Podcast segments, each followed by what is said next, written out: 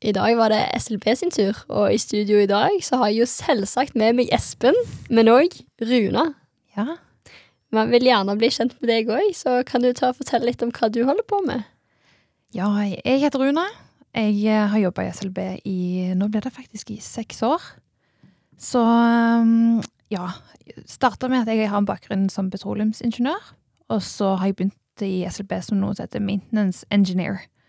Så det, det er litt sånn at man, eh, man er litt som potet. Jobber litt rundt overalt. Man har eh, vært litt offshore, og jobber, jobber på land nå i slutten. Altså, det er veldig sånn Men Runa, visste du noe om selskapet før du begynte? Du, det var egentlig ganske lite. Men eh, det jeg visste om selskapet, var at det var veldig mye muligheter. Det var det vi ble fortalt. Det var stor sjanse for å få reise offshore, og stor sjanse for å få lov å få hands on experience, var det vi hørte. Mm. Så det var egentlig det som appellerte veldig til meg når, eh, når jeg lette etter en jobb. Samsvarte det med erfaringen, da? Absolutt. Det vil jeg si. Det vil jeg absolutt si. Jeg tror det er noe av det som er mest positivt med vårt selskap, er at alle disse mulighetene For jeg vet av erfaring, og jeg har sittet på andre sida av bordet og snakket om muligheter, men i SLB så er det jo faktisk muligheter. Det er helt opp til deg sjøl. Sånn at hvis du vil drive din egen karriere på en måte, og få med deg både onshore og offshore erfaring og masse kursing og liksom litt sånn intensiv læring, da, så er det plassen å være. Mm.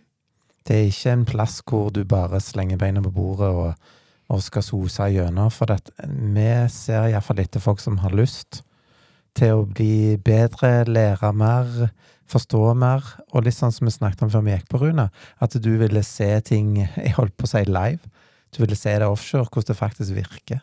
Mm, det stemmer. Vi hørte så mye snakk om hvordan det, hvordan det var, og at det var veldig spennende å jobbe offshore. Så vi var vel egentlig, veldig mange av vi som studerte petroleum, vi var, hadde veldig lyst til å få oppleve akkurat det. Mm. Sånt. Ja. Skal vi snakke litt om hva selskapet holder på med? Ja. Og kanskje jeg skal prøve, siden jeg ikke er ingeniør, så kan jo jeg prøve å si hvordan jeg opplever det.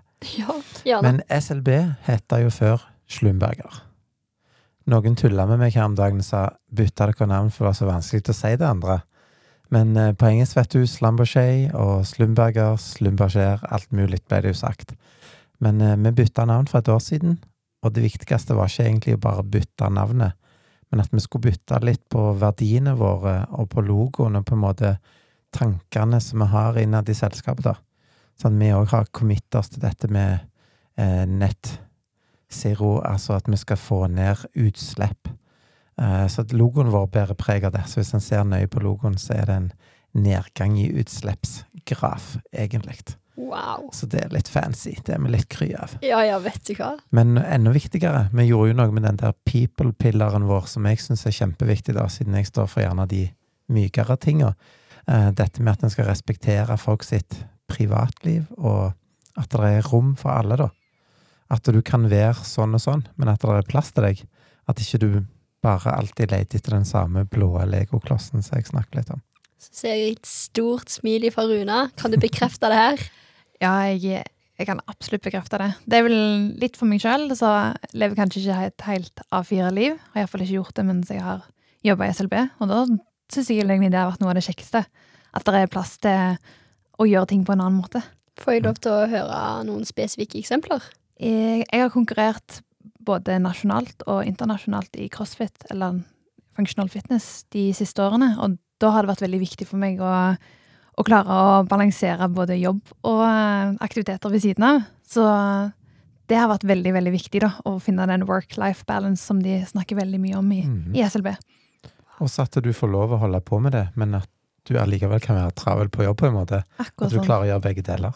Akkurat det. Så Mm. det Er du, er du ei jente som liker å holde et høyt tempo? Det kan jeg Ja, det vil jeg si. jeg vil si det. Jeg senser den energien òg fra deg. Men så utrolig kjekt. Men crossfit, altså, er det sånn at du er en av de som trente to ganger til dagen da når du konkurrerte? Ja. Ja. Så det var egentlig opp klokka fem om morgenen for å få inn den første økten før jobb. Og så da den andre økten etter jobb. Så det, det har egentlig gått i ett. Så, Men veldig, veldig kjekt. Kjekt å kjenne at en blir drevet av noe, og ikke minst da blir man veldig mye mer effektiv når man er på jobb òg. For man føler man er litt på lånt tid og vil bruke timene sine så godt en kan. Mm. Så jeg føler vel egentlig bare det har hjulpet meg i jobbtilværelsen òg. For å Mhm. gi alt du kan når du først er der. Absolutt. Trening, at Ja, trening bidrar jo til at man fungerer bedre. absolutt. Men eh, jeg, altså, jeg får et inntrykk av at SLB liker å holde et ganske høyt tempo, litt sånn som det jeg skulle si. Ja. Merker du at det er litt sånne type folk der, da, som liker å gi det lille ekstra hele tida? Eh, Hos oss så føler jeg at det er det. Jeg føler det er veldig mye skifting i roller. Mange som gjerne kommer tilreisende til Norge og jobber der gjerne i to til tre år. Og det gjør jo at man har et skifte i arbeidsmiljøet veldig ofte. Og da er veldig mye nye impulser og nye måter å gjøre ting på. Og man skal litt opp og frem, da, hvis man ønsker det. Så jeg vil absolutt si at det er mye som skjer hele veien. Mm. Og her er det jo litt sånn uh, lurt, tror jeg, å snakke om at uh, dette med uh, at vi er et serviceselskap. Det er veldig forskjell på det å være et operatørselskap og være et serviceselskap. I fart. Ikke nødvendigvis det ene er bedre enn det andre, men farten er kanskje annerledes. Men vi må ligge litt foran, sånn at eh, operatørselskapene bruker oss. Eh, vi sa jo tidligere at vi var, eller vi er, et av verdens største serviceselskaper. Vi sier teknologiselskaper nå, for vi har utrolig mange teknologier. Men vi basically da hjelper jo eh, kundene våre å pumpe opp olja, for å si det kort. Mm. Med ulike tools og ulike software og, og ulike skal vi si, dingser eller gadgets som vi har da i produksjonsøyemed for olje eller gass. Som ja, spørsmålet ditt er kjemperelevant. Du må like litt fart. Sant. Absolutt. Men er det her noe du ser på når du ansetter kandidater, Espen? Om at du ser at de ja, har litt ekstra mye energi, da? Eller om de heller skulle hatt en Eller er det sånn at du på en måte rett og slett kan se på en kandidat og være litt sånn OK, du passer ikke inn i SLB fordi Mhm. at du greier ikke å holde tempoet vårt? Ja. Ja. Det kan jeg se. Mm. Og jeg ser etter det òg, men det kommer jo helt an på funksjonen. Og så er det jo òg det at det, det skal jo være rom for alle. Men det jeg gjør da, hvis jeg ser at eh, ok, du har ikke den type fart gjerne som jeg vanligvis ville gått for, så vil jeg kanskje bytte avdeling på deg, for å si det sånn, da. Selv om du har søkt på én jobb, så vil jeg kanskje tenke at du passer bedre der, eller du passer bedre der. Det ser jeg på helt bevisst. For det er veldig forskjellig. Eh, noen ganger så er en jo mye på verksted. Altså, en lærer seg, han tar på tulser, og lærer seg tulser, og så går han ut offshore, og ikke alle er lagd for det. Men så har du gjerne andre deler av virksomheten vår, si for eksempel laben, da, eller kjemikalier, som er jo igjen helt andre mennesker. Men jeg ser helt bevisst etter det, altså. Runa, hva er det du driver på med, og vil du si at det du lærte på skolen når du gikk samme utdanningsforløp som jeg nå går, var relevant for det du holder på med den dag i dag? Jeg, jeg vil jo si at jeg kunne hatt kanskje nesten en altså Jeg tror ikke det spiller så stor rolle hvilken bakgrunn man hadde. Vi, ser, vi som er maintenance engineer, som det som jeg jobber med, vi kommer jo fra ulike bakgrunner. Enten om det om man har gjerne en eh, master innen kjemi, eller hva det skulle være. Så jeg vil jo si at det Ja. Jeg, jeg tror jeg hadde klart meg helt fint uten den bakgrunnen jeg har, men samtidig er jeg veldig glad for det at vi har en bredde på det. da, At man har gjerne sin spisskompetanse innen noe. Men uh, det er jo det som er så fint med SLB, at når du starter i SLB, så er det jo noe som heter et fixed step training program. Så jeg følte litt at jeg starta utdanningen min litt på ny. Men så på universitetet så har man egentlig gjerne mer lært seg å lære, og kommet inn i gode rutiner og skjønner hva du er kap kapabel på å få til. Og det vel egentlig det jeg har tatt med meg mest fra NTNU, at man, man klarer en workload som skal være noe, og en, og en får det til hvis en øver nok. Og det hadde man behov for når man starta SLB òg, når vi ble kasta ut i det og rett og slett lære seg noe nytt så ofte. Og mm. et ganske intensive treningsprogram. Så Kan ikke du fortelle litt om det treningsprogrammet? ja, da når jeg starta SLB, så var min første uke i selskapet Da ble vi sendt til Paris. Så da var vi ei uke i Paris for å, sånn som de sier, bli kjent med selskapet. Bli kjent med alt som har med HSE og safety og hvem er SLB i eh, oljeindustrien. Og, og ikke minst hilse på de nye ansatte. Bli litt kjent med hvem, hvem er med. Og så kom jeg tilbake igjen til Stavanger, som skulle være min base. Og der ble jeg egentlig satt i gang med masse kursing, for det er veldig viktig at vi har alle kursene vi skal ha for å kunne vandre rundt i workshopen Og egentlig på en måte være, være en ansatt, så må man ha visse, visse kurs. Og, og så gikk det ikke veldig lang tid før vi ble sendt til Abu Dhabi. Der skulle vi ha kurs for å um, bli noe som heter field engineer. Det er for å jobbe offshore. Der eh, vi, siden vi er et serviceselskap, så skal vi i, i mitt segment så skal vi styre disse her toolsene som vi sender ned i bakken. Vi skal klare å operere de, sitte offshore og skjønne at de fungerer sånn som de skal. Så da begynte vi egentlig å, på utdanningen vår på en måte i Abu Dhabi, i ørkenen. Vi drilla faktisk i ørkenen. På, vi var kult. på, ja, Det er ganske kult. det er veldig stilig. Tørrdrilla i ørkenen. Veldig. Så da var skolen midt i ørkenen, og så var det boreplattformer i midten. Og så hadde vi intensivtrening der med masse eksamener, kan man si, og eh, live-eksamener der man skulle prestere mens man var på riggen, for å skjønne hva, hva type arbeid vi skulle gjøre. Og ikke minst, alle vi som er der, vi skulle jo òg bli sendt ut til alle deler av verden. Vi var jo med på kryss og tvers, for det var samlingspunktet for alle i SLB som jobber rundt forbi i verden. Så vi skulle jo takle en, en eller ethvert miljø, da. Så det var veldig, veldig spennende. Veldig lærte ekstremt mye. Og man jobber jo i team sammen med de man er kollegaer med, da. Mm. Så, og det gjorde vi i flere måneder, så var vi der. Var det en del fram og tilbake, sånn at vi flyttet litt hjem til Norge, og så jobba vi litt videre der, og så var vi nede igjen på nye kurs. Så det samme gjorde jeg med å reise til Oklahoma. Der var jeg òg og hadde noen kurs. Som det var mer i forhold til de teknikerne som jobber og skrur på tulene, for å skjønne hva er som er inni disse her stålrørene vi sender. For vi visste jo Du ser jo bare på noe, men du har ikke, har ikke peiling på hva, hva er det dette her gjør for noe, liksom. Så eh, det var egentlig sånn det begynte. Og så når jeg kom tilbake igjen da, så skulle jeg få lov å være med på min første offshoretur. Og da var jeg med akkurat som eh, bare en, en høyrehånd til noen andre som jobber, jobber der fast. For å følge de i arbeidsdagen og være og se alt de gjør, og, og lære hvordan, sånn at man sjøl skal klare å gjøre det på egen hånd. da. Så det var veldig Det var helt utrolig spennende. Det, Jeg, ble helt fascinert. Det høres ut som aller først var du på ferie. Men du tok utdanningen din på ferie, og så dro du offshore. Og du bare skygga en annen person. Og jeg sitter her og lurer på to ting. Nummer én, fikk du tid til å trene oppi der? Nummer to, er utdanningen min en vits? Ja, sant. Eh, Det var, jeg fikk tid, jeg lagde tid til å trene.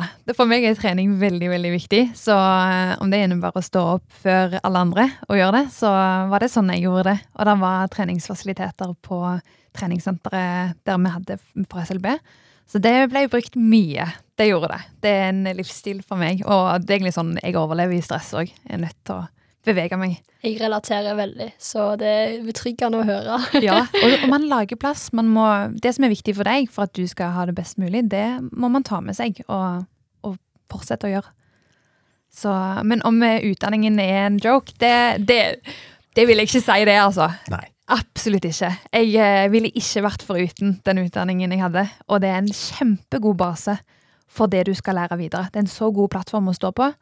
Og det er veldig veldig nyttig i å forstå helheten i det som du skal bygge på. Så jeg, hvis jeg hadde kommet fra noe helt annet, så måtte man jobbe mye mer da, for å klare å, å bygge videre på det. Så Mm. det, det er viktig det du gjør nå. Men er det fordi at ulike prinsipper i matten og fysikken som jeg lærer nå, at du trenger det i arbeids arbeidslivet òg, da? I mitt tilfelle så trenger vi, trenger vi det, ja. Ja. Det er mye for å forstå eh, Hvis man skal helt ned på et sånn eh, veldig teknisk nivå på hvordan tulene fungerer, så har man behov for å regne på ganske mye, faktisk. Så da brukte vi matten som vi hadde fra NTNU, for Mm. å forstå hvordan tulene fungerer. Så det, var, det har ikke vært noe waste i den forstand, og veldig mye lettere å kanskje tilegne seg ny kunnskap og eh, nye måter å regne ting på hvis du har gjort noe lignende før. Helt sant. Så det er veldig, veldig viktig. Men noen av fagene dine, Keila, der toucher du borti de tingene vi holder på med. Om du ikke forstår det helt fullt ut, så er det fremdeles nok til at du vet mer enn de som ikke har tatt det faget, som gjør at du ikke begynner helt på nytt. Og så er det lettere for deg å forstå liksom, sammenhengen når du har hatt denne fagsammensetningen som du har i, i, i det du går på. Helt sant. Det eneste jeg skulle ønske, var at skolen var litt mer praktisk av seg, fordi man Mm. lærer så mye mer med å da ha hands on Mm. og se ting, istedenfor at jeg nå eksempel i prosess og produksjon skal lære om hva en separator er, istedenfor bare å vise meg ligninger. Kan du ikke vise meg en video, eller at jeg får se det, et eller annet, Mm. at jeg får se det live, fysisk.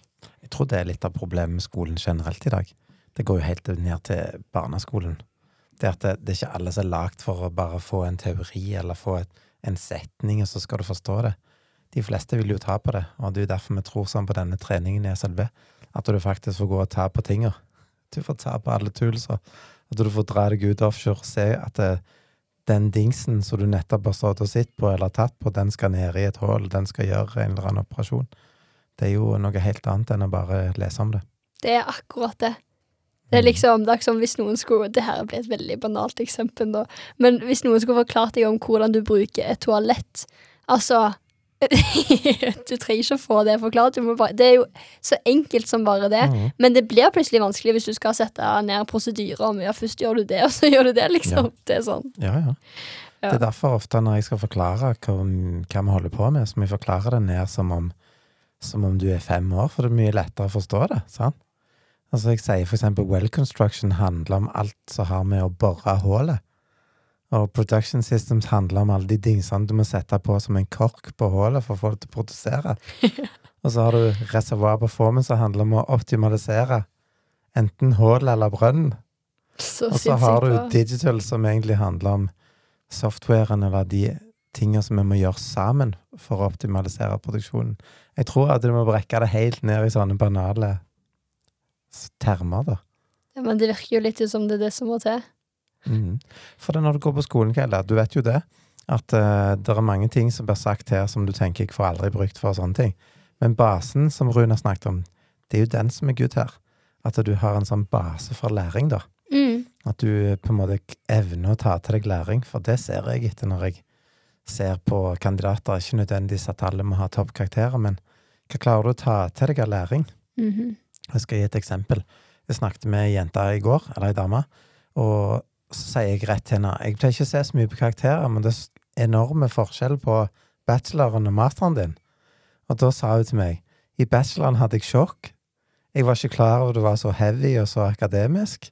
Mens når jeg tok masteren, så hadde jeg på en måte skjønt gamet.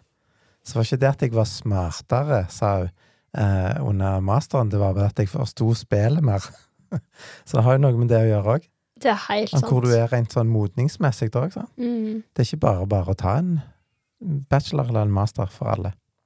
Nei. Så Det- det er derfor helt tror vi sånn på denne hands on-treningen. Eh, og derfor spør vi jo om det rett ut òg. For jeg skal ærlig innrømme at det noen ganger så slår det inn at jeg tenker du er vel, et veldig akademisk menneske. sant? Vil du overleve i verkstedet vårt? jeg tenker jo på det.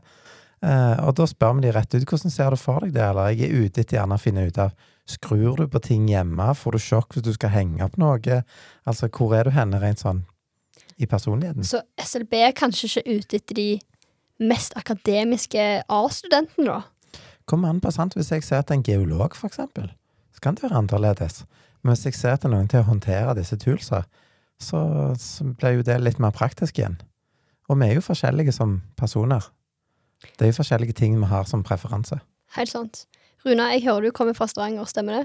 Ja. Ja, det er bra. Men du gikk til NTNU for å studere energi og petroleum. Jeg må bare spørre, hvorfor? Det ble vel Det var egentlig veldig tilfeldig. Putta litt forskjellig. Jeg hadde hørt veldig mye bra om Trondheim som studentby. Så det var vel egentlig der det starta. At jeg hadde veldig lyst til å reise bort og studere vekk hjemmefra. Så eh, kjente jeg noen som hadde studert petroleum før meg, og så putta jeg det på lista sammen med, med andre studier på NTNU. Og så det, ringte de liksom før studiet og, og prøvde å overtale deg til å studere det ene eller andre av det du hadde på lista di. Så var de jeg snakket med, veldig hyggelige, og så fikk jeg en veldig god feeling på at det kunne bli ganske bra. Og egentlig litt sånn følelse av at det var ikke så nøye kanskje nødvendigvis hvilken eh, retning man valgte innenfor ingeniør, men så lenge du var ingeniør eller sivilingeniør innenfor noe, så kunne man trikse, og mikse litt og hoppe mellom linjene hvis man ønska.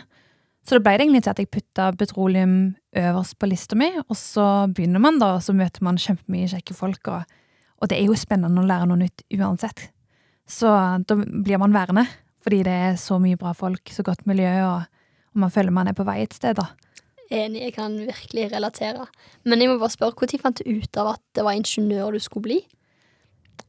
Det var vel egentlig mest på skolen. Jeg, jeg tror eh, jeg har alltid likt å um, få til ting på skolen. Og så har jeg hatt eh, foreldre som syns det har vært veldig hjelpsomme. da. Aldri pusha noen ting, men man har gjerne satt mer press på seg sjøl. Og så syns jeg alltid kanskje at det er mer typisk sånn mattefag og realfag har vært det som falt meg mest naturlig. Så da ble det litt naturlig å tenke i de retningene, at en kanskje kunne bli noen innen sånn type ingeniør. Så var det veldig sånn foreldre og sånt som òg sa at det, det, er veldig greit hvis du, hvis du syns det er gøy, eller at det går greit, så er typisk en ingeniør en veldig god plattform for å kunne gjøre hva du vil, da. Så da starta det vel egentlig sånn, med at en hører litt om andre som gjør det, og ser litt hva fag som faller deg mer naturlig, da. Det er veldig løye å høre på, for jeg føler jeg kjenner meg sånn igjen i deg, Runa. Ja, gøy. Det eneste jeg eh, ikke helt kan relatere til, jeg husker jeg så Jeg, jeg følte ikke jeg var god nok i matte på videregående til å kunne velge eh, ingeniør. Eh, for først så fikk jeg en fire i T-matte, og du vet Jeg ville jo bare ha gode karakterer, så det, da trodde jeg jo kanskje ikke jeg var god nok. Men jeg bare tenker på de som hører på denne podkasten nå, og som kanskje vurderer ingeniør, kanskje går på videregående og har fått den smellen i trynet da, med at å gå fra ungdomsskolematte til videregående matte, det er ganske stort gap. Hva vil du på en måte si til de, da, for at de eventuelt ikke skal gå i den fellen jeg nesten gikk i med å tenke ingeniør, nei, det er jeg ikke god, for, god nok for? Jeg vil jo si at man aldri skal tenke at en ikke er god nok til det hvis det er noen har lyst å få det. Så så lenge en har drivet for at hei, dette, dette, har jeg skikkelig lyst til å skjønne, jeg skal få det til, så er det jo ingen andre enn deg sjøl som setter begrensninger for det. Og da er det veldig dumt hvis en tenker at en ikke er god nok til å kunne velge det, fordi da er det god nok for hva da? Så det blir litt sånn, og iallfall sånn som vi er på NTNU òg, så, så, er det liksom der er så mye kursing og så mye hjelp. Man kan alltids få hjelp til ting. Det er kun deg sjøl det kommer an på. Så eh, jeg vil absolutt si at en aldri skal sette stopper for seg sjøl fordi en tror at man, en tror at en ikke er god nok. For det er veldig sjelden at det faktisk er et faktum. Hvis det er noe du har lyst til å få til, da, da gir man gass. Da, da, får man det. Da spør man om hjelp. Så, så, ordner det seg uansett. Veldig, veldig bra sagt. Og der, i tillegg til den praktiske læringen som man får for eksempel da veldig bra gjennom mm. SLB sitt treningsprogram, det er jo egentlig bare legger, Det ligger jo alt til rette for at du skal kunne få det til, da. Det gjør det. Det er derfor vi sier det. Det er opp til deg. Vi kan gi deg alle kurs og alle tinga du trenger, og mentorer. Og vi har jo folk som passer på at du gjør treningen, eh, bare for at du skal på en måte fullføre. Eh, så av og til når jeg Jeg skal ikke snakke stygt om konkurrenter, men, men, det er ikke nok alltid bare å gi et kurs. Du må på en måte ha en langtidsplan med det vi kaller for en Key Employee Profile. Altså et menneske som vi tenker har noe ekstra, som vi vil eh, foredle, og som skal bli et eller annet manager hos oss seinere. Da må en investere, og da må en investere penger og tid. Det er bare sånn. Men ok, det du sier nå, er jo egentlig at man på en måte starter et sted. Altså sånn Det er ikke sånn at det endelige målet er å få en jobb, og så er du ferdig. Man skal på en måte fortsette mm -hmm. å mhm. jobbe og streve. Ja. Er det på en måte a never ending story, streve, eller? Men du skal ha lyst å bli bedre. Eh, og ikke bare som ingeniør, men litt også som menneske. For for vi er jo forskjellige. Så dere to, for eksempel, eh, når dere går gjennom dette treningsprogrammet til SLB, så vil dere gjerne komme ut som to forskjellige ting. Den ene kommer gjerne ut som en teknisk ekspert. Så kommer den andre ut som en sånn people person, som er sånn teamlead, eller en prosjektleder, eller noe helt annet enn den andre. Og det er helt fint. Og det er hele clouet med treningen, da, at du skal finne ut av hvem er jeg. Wow. Så når du går gjennom disse gradene, da, derav stiger i gradene, så har vi faktiske grader. Sånn at når du begynner i grad åtte, så fullfører du en del trening, går til grad ni, grad ti og elleve osv. Og, og Runa, du har jo nettopp gjort ferdig grad elleve. Ja, jeg er akkurat ferdig med det som heter Fixed Up Training Program. Mm. Et... Og da er det jo sånn at når du er kommet der, så åpner det jo enda mer muligheter. Fordi at du har gått igjennom all den treningen, og så har vi på en måte i hermetegn belønna deg for at du har gjort selve treningen og blitt bedre, da. Det tror jeg er kjempebra. Ja, jeg har veldig troen på det. Jeg er veldig glad for at man har blitt fulgt opp av noen som sitter og sier at eh, nå er det på tide at vi tar et steg videre. Fordi det har vært veldig god push. Man har alltid noe en skal gjøre i hverdagen, med at eh, en prøver bare å gjøre jobben sin så godt en kan. Så er det veldig kjekt at det er noen som sitter som noen motivatorer på sida og sier at eh, nå kan vi ta det et steg videre, eller Og så vet man hele veien hva som skal til for å gå opp i grad. Det har vel vært noe av det kjekkeste. At du vet alltid hva som skal til for å bli bedre. Og du skal egentlig alltid få de ressursene som du trenger da, for å kunne gjennomføre det. Og det, det har vært veldig viktig Mm. for oss når vi, for å helt tatt komme gjennom sånne programmer. At eh, en vet hva som skal til, en vet hvem en skal snakke med, og ikke minst hvor lang tid ting skal ta. Ja, Og så er det også sånn at nå, når du kom der, så er det jo hvis, hvis vi nå i teorien sier at du brenner for HR, for eksempel, eller finans, så hos SLB så er det mulig, selv om du da er ingeniør. Så er det det at du har gått gjennom så mange deler av selskapet at du skjønner mer hele prosessen i selskapet, da. Så da er det mulig for deg å flytte rundt både i divisjoner og avdelinger, med at du har gått igjennom dette programmet. Og det er jo da det begynner å bli litt kult. Fordi mm. da har du jo starta i selskapet gjerne som en ingeniør, og så fant du ut at sånn hei, det var skikkelig spennende med HR, eller mm. wow, det er finans, Herman, så spennende med Logistikk. Logi ja, hva enn det skulle være. Og da er det litt sånn, nå plutselig så åpner plattformen seg for at du egentlig kan jobbe som noe helt annet enn det du kanskje var utdannet som. Og da begynner jo ballen å rulle, og mm. at du kanskje kan utvikle deg sjøl og teste nye ting som du aldri hadde trodd at du skulle jobbe med. Det, det tror jeg er mm. noe av det som er litt unikt, kanskje. Jeg tenker òg det. Og øverste sjefen i selskapet, altså han øverste øverste, ikke bare i Norge, han er jo òg ingeniør og starter på gulvet. Så det er jo fullt mulig i et selskap som oss, fordi at vi søker etter folk som ønsker utvikling hele veien. Vel, altså det høres ut som at man blir veldig attraktiv på arbeidsmarkedet generelt med å bare ha vært innom de her treningsprogrammene til SLB. Altså eh, Stemmer det at eksempel hvis man finner ut av at kanskje SLB holdt et litt for høyt tempo for seg, eller om man vil prøve et nytt selskap, at det å ha jobbet i SLB er en ganske god At det ser bra ut, liksom? Ja, dessverre, får vi òg si litt, for dette, av og til så tar jo de store noen folk ifra oss. Men det er jo sånn game er. Når arbeidsmarkedet er godt, så vil det jo være en forflytning, men du er absolutt kjempeattraktiv når du har gått gjennom dette programmet, for det er jo verdenskjent, dette programmet, så folk i bransjen kjenner jo godt til det.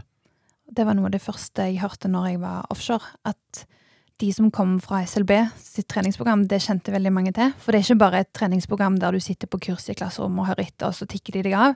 Her er det liksom faktisk eksamener, det er faktiske ting du må bestå for å komme videre. Og det sier veldig mye om folkene som har gjennomført det òg. At det er ikke bare noe de syller litt gjennom. Det er mye effort. Det er mye, mye høyt tempo og mye som skal til for å komme gjennom òg. Og da plutselig så med en gang operatørselskaper vet om hva det innebærer, så blir man fort veldig attraktiv hos de òg, for det sier veldig mye om hvem du er som person. Så det var mye det jeg hørte når vi var offshore, at det, som SLB, å ha jobba i SLB, det er veldig positivt hvis man noen gang skulle søke seg over til et operatørselskap. Wow. Så du tar faktisk eksamener. Altså Her sitter jeg og tenker sånn denne, OK, Kaila, du har bare fire år igjen med eksamener, og så er det ferdig. Men nei da. Det var vel akkurat det vi òg lo litt av når vi kom her til Abu Dhabi der og begynte på kjøret på ny, men det er en helt annen følelse fordi du er plutselig ansatt. Det er plutselig jobben din. Det er ikke, det er ikke noe du på en måte Du sitter ikke på skolebenken på samme måte. Nå er man plutselig et team. Du skal bruke det til noe. Du vet akkurat hva du skal bruke det til. Og det gjør kanskje noe med hele følelsen når du sitter og, og pugger på ting, eller hva det skal være. Nå pugger du fordi at eh, du vet at når jeg sitter på jobb offshore om noen måneder alene, så har jeg lyst til å kunne dette, for jeg har lyst til å kunne jobben min. Og da, da blir det en helt annen dynamikk i, i alle, når vi jobber sammen som folk der òg, for å faktisk forstå det. Det er ikke bare en eksamen, og så har vi glemt det. Vi skal faktisk bruke det til noe. Så det er en helt annen måte å lese på. Det sitter jo på en annen måte, da. Absolutt. Men jeg syns det var skikkelig løye den gangen du sa, når du var med på et intervju, så sa du og lite visste jeg at når jeg kom på jobb, da, så skulle jeg gå rett på trening igjen. Ja, Eh, for å faktisk lære deg de faktiske tinga. helt Men det er jo litt sånn det er, sant? Ja, for man tror jo at når man har studert i fem år, så, så er man jo ferdig, man er klar, man skal ut i jobb, og nå skal jeg brukes til noe. Og så får du jo knapt nok en dag i selskapet, og så blir du sendt av gårde kåret og, og faktisk skal lære deg hele greiene på ny. Og det var ganske overraskende for, for meg, da. At eh, nå begynner vi på ny. Nå, nå skal vi begynne å lære. Ja, jeg ble jo sjøl sjokkert, og det er derfor jeg tenker at det er så utrolig viktig at det her kommer ut, at folk får denne forståelsen av hvordan det egentlig funker. For ingen har fortalt meg det her. Mhm. Så jeg blir litt sånn denne "Ha- Hallo, Ja. hvorfor? Så jeg bruker jo litt tid på dette når jeg snakker med vi kaller jo sånne rett fra skolen for fresh outs. Rett fra skolen, ferske, sant. Og da, da ser jeg egentlig bare, som jeg sa, etter om du er mottagelig for læring. Og det er du jo. Altså, alle som har gått gjennom en bachelor og en master, er jo mottagelig for læring. Sånn er det jo. Men så er det litt sånn, ok, hvor er du henne nå? Skjønner du at uh, her drar jeg deg gjennom et langt treningsprogram? Og det som det faktisk er blitt, da, dette treningsprogrammet er jo blitt vårt selling point. Det er jo her vi scorer høyt hos studentene, at de vet dette, mange. At eh, ok, kom til SLB, så er det enda mer læring, og du går i en bratt kurve, og du på en måte blir kasta på det. Så jeg tror det er det De som kjenner oss, kjenner det. Men som, som du sier, det er jo mange som ikke kjenner oss. Det er jo derfor vi er her nå. Det er akkurat det. Ja. Men jeg bare har et litt sånn interessant spørsmål.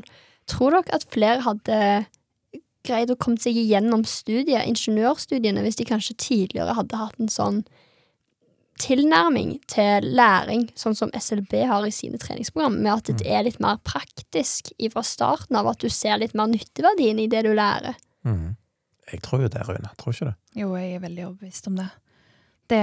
Det har jo noe om å skjønne hva du skal med det. Liksom, hvorfor lærer jeg dette? Hva, hva skal jeg bruke det til? Og hvordan ser dette ut i praksis, egentlig?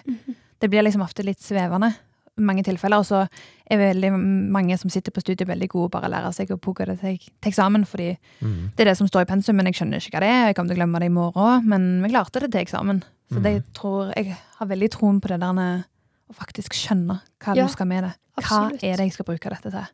Og ikke minst det er med at når du er på jobb, så er det jo iallfall hva skal jeg si, obligatorisk oppmøte. Og det er jo veldig mange som går til den approachen eh, og bare lærer seg eksamen. Det var jo typ meg første år, men da hadde vi jo veldig teoretiske fag. Så det var jo egentlig bare å gulpe det opp igjen på eksamen. Mhm. Ikke sant? Så det er jo ikke rart at du kanskje ikke helt ser lyset gjennom tunnelen hvis det er det du gjør i så å si fem år. Mm. Så er det jo litt sånn overlevelsesmodus òg, kanskje. Det er veldig mange fag, det er mye stoff man skal gjennom. Så hvis en skal sette seg ned og være så nysgjerrig på hver, hvert enkelt fag, så har man verken tid til det, eller gjerne overskudd til å klare å gjøre det. Så det blir litt mer sånn type pugg. Type sånn 'dette må jeg bare forstå til eksamen', og så bort med den boka, og så inn med neste. Og det har jo mye med volumet som skal inn òg. Så jeg Mhm. forstår veldig godt at det, at det er veldig intenst. Mm. Men hvordan er på en måte det sammenligna med når du kom ut i arbeid i SLB? Vi tenker på arbeidslæringen, da. Hvordan Var det sånn at du hadde bedre tid? Jeg vet ikke om jeg hadde bedre tid. Det var jo, man ble jo mye pusha på, på å prestere under press. Men samtidig så var det jo veldig positivt, fordi vi hele veien hadde knagger å henge på. Det var liksom sånn jeg skjønte Vi skjønte hvorfor vi hadde dette. Dette skal jeg bruke til det. Ok, Og så lagra man på en måte det, det, det stedet på PC-en, da, fordi man ville faktisk ha bruk for det seinere. Og da blir det en litt annen type måte å lære det på. Du spør fordi du er nysgjerrig og fordi du lurer, fordi du skal faktisk bruke det. Og da fester det seg på en litt annen måte òg. Og så blir det en litt kjekkere måte å jobbe med stoffet på òg. Det er ikke bare sånn at vi alle sammen sier ja ja, men vi skal bare huske det til eksamen. Mens her var det veldig mange gode spørsmål fordi folk lurer. Fordi de skal stå en dag alene offshore og gjøre det. Jeg trenger å forstå det. Akkurat det, og så er det det at du blir jo ikke bedre enn de du omgås. Og når du omgås med folk som er engasjerte og motiverte, så Mhm. blir du akkurat det samme. Det er akkurat det. Smitter veldig. Mm. Vi mennesker smitter noe helt grusomt. Eh, Men jeg tenker at eh, det som vi snakker om nå, er jo så viktig for det der med å lære sånne tenkte ting, eller sånne tenkte scenarioer i pensum, det er jo egentlig helt meningsløst. Sant? For det, at, sånn som du sier, Rune, at du lærer ting som du skal bruke til noe. Da lærer du det på en annen måte, sånn som jeg ser det da. For at du, du skal jo faktisk anvende det, mens mange av de tingene vi har lært på skolen, er jo i båskassen nå. For du skal aldri ta det fram. Altså, når tar du fram diktanalyse, for eksempel, offshore, eh, Runa? Altfor sjelden. Altfor sjelden, dessverre. Nei, det er akkurat det. Det er jo akkurat det. Du, du får fag som er relevante for det du skal bruke, og da plutselig blir det mer eh, interessant. Det fester seg lettere. Mm. Det, du sitter ikke med en hel haug med fag som du ikke skjønner hva du skal bruke det til, da. Ja. Mm.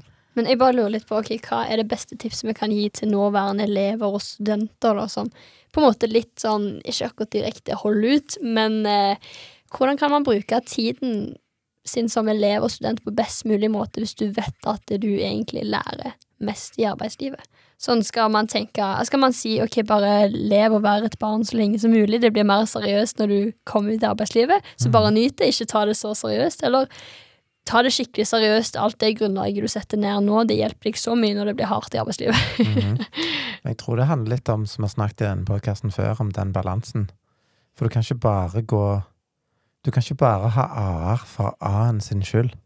Det går ikke. For som vi nettopp snakket om, hvis du har hosta deg opp til en eksamen, betyr det at du er en toppkandidat, eller betyr det at du var gysla god å huske? Sant vel? Så jeg tror at du må finne din egen balanse der, og hva som er greit for deg. Men det er ikke nødvendigvis sånn at eh, eh, La meg si at du er midt på treet da, som student så betyr jo ikke det at du ikke kan gjøre jobben. Det betyr jo at livet ditt var på Du var på en annen kanal eh, da. Eh, eller at du eh, var i denne studenttilværelsen. Du var med andre som gjerne ikke gjorde så mye, vet ikke. Eh, det betyr jo ikke at du ikke kan gjøre jobben for det. Men håpet er jo at mange av de tingene du skal lære i arbeidslivet, de lærer du deg når du kommer i arbeidslivet. Du må bare tenke at det du gjør nå, er en investering, en slags inngangsbillett, om du vil, for å komme inn til de jobbene du har lyst til. Og det bør motivere deg. For det er jo sånn at det er ikke alltid så lett å komme inn i de store selskapene. Så det å tenke på at eh, nå gjør jeg dette, nå putter jeg dette i potten for at jeg skal vinne i et eller annet eh, arbeidslotteri, det tror jeg er lurt å tenke. Veldig, veldig fin tankegang der, Espen. Jeg tror det er sykt viktig òg å tenke at ikke nødvendigvis Min mor sa en gang eh, hvis du ikke liker læreren, så ikke la det gå utover faget. Hvis du ikke liker faget, ikke la det gå utover læreren. Og det vi kan lære ut av det, er jo som følger at du må jo, noen ting må vi bare tåle, og noen fag liker vi ikke. Og det er ikke sånn at alle fagene du har i ditt studie heller, Keila, er sånn som du kan anvende til noen når du kommer til oss. Men eh, jeg tror summa summarum så gir det deg allikevel en sånn ståsted hvor du har lettere for å ta imot det du får når du kommer til oss, da. Mhm, Og ikke minst, hva skal jeg si, take the shit and continue. Det er noe med å bli litt robust, da. Mhm. Ja, og det er et godt poeng. Å bli robust med å tåle en del ting. For jeg tror jo òg at det, skal du jobbe offshore eller jobbe med hands on ting, så må du jo tåle litt òg. Det er jo ikke for alle, som sagt. Nei. Jeg tror det er viktig da å si òg at eh, selskaper som dette er jo ikke nødvendigvis for alle. Eh, men hvis det er dette du vil, hvis det er dette du drømmer om, så er det, da er det verdt det. Den der inngangsbilletten din er mer enn verdt det, for du kommer til å få så mye igjen i andre enden.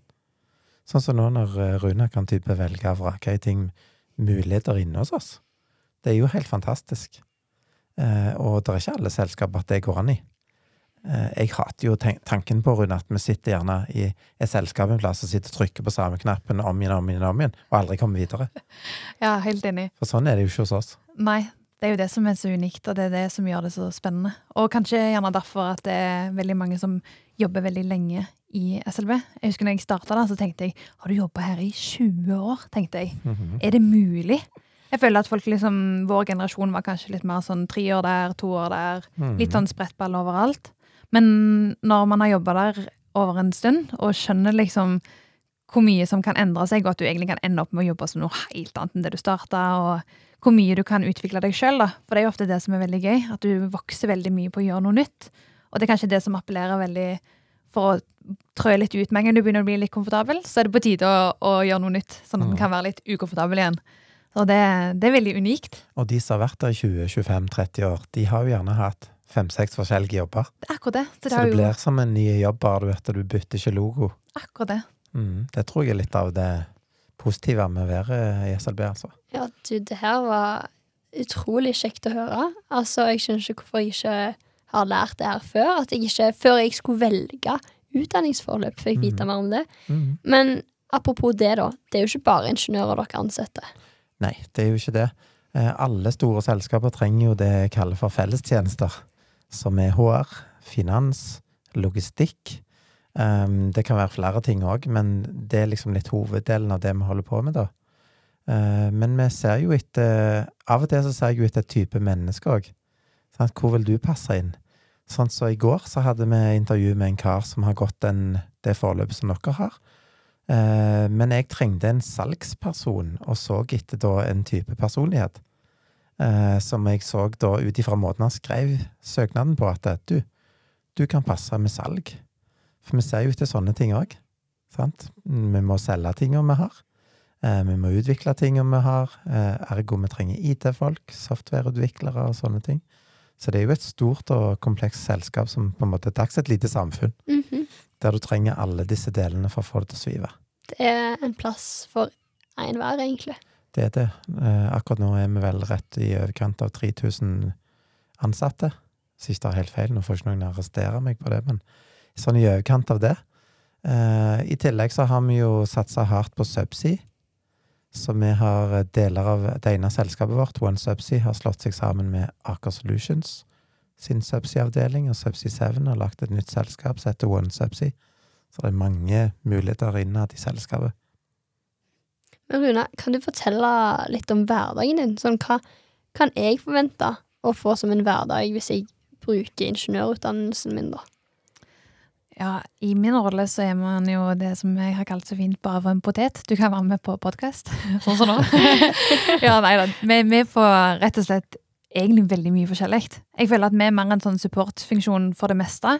Min jobb nå handler egentlig mest om å effektivisere ting og være et bindeledd mellom offshore og onshore. Vi skal på en måte være en person som har vært litt rundt overalt på kryss og tvers av de ulike funksjonene vi har.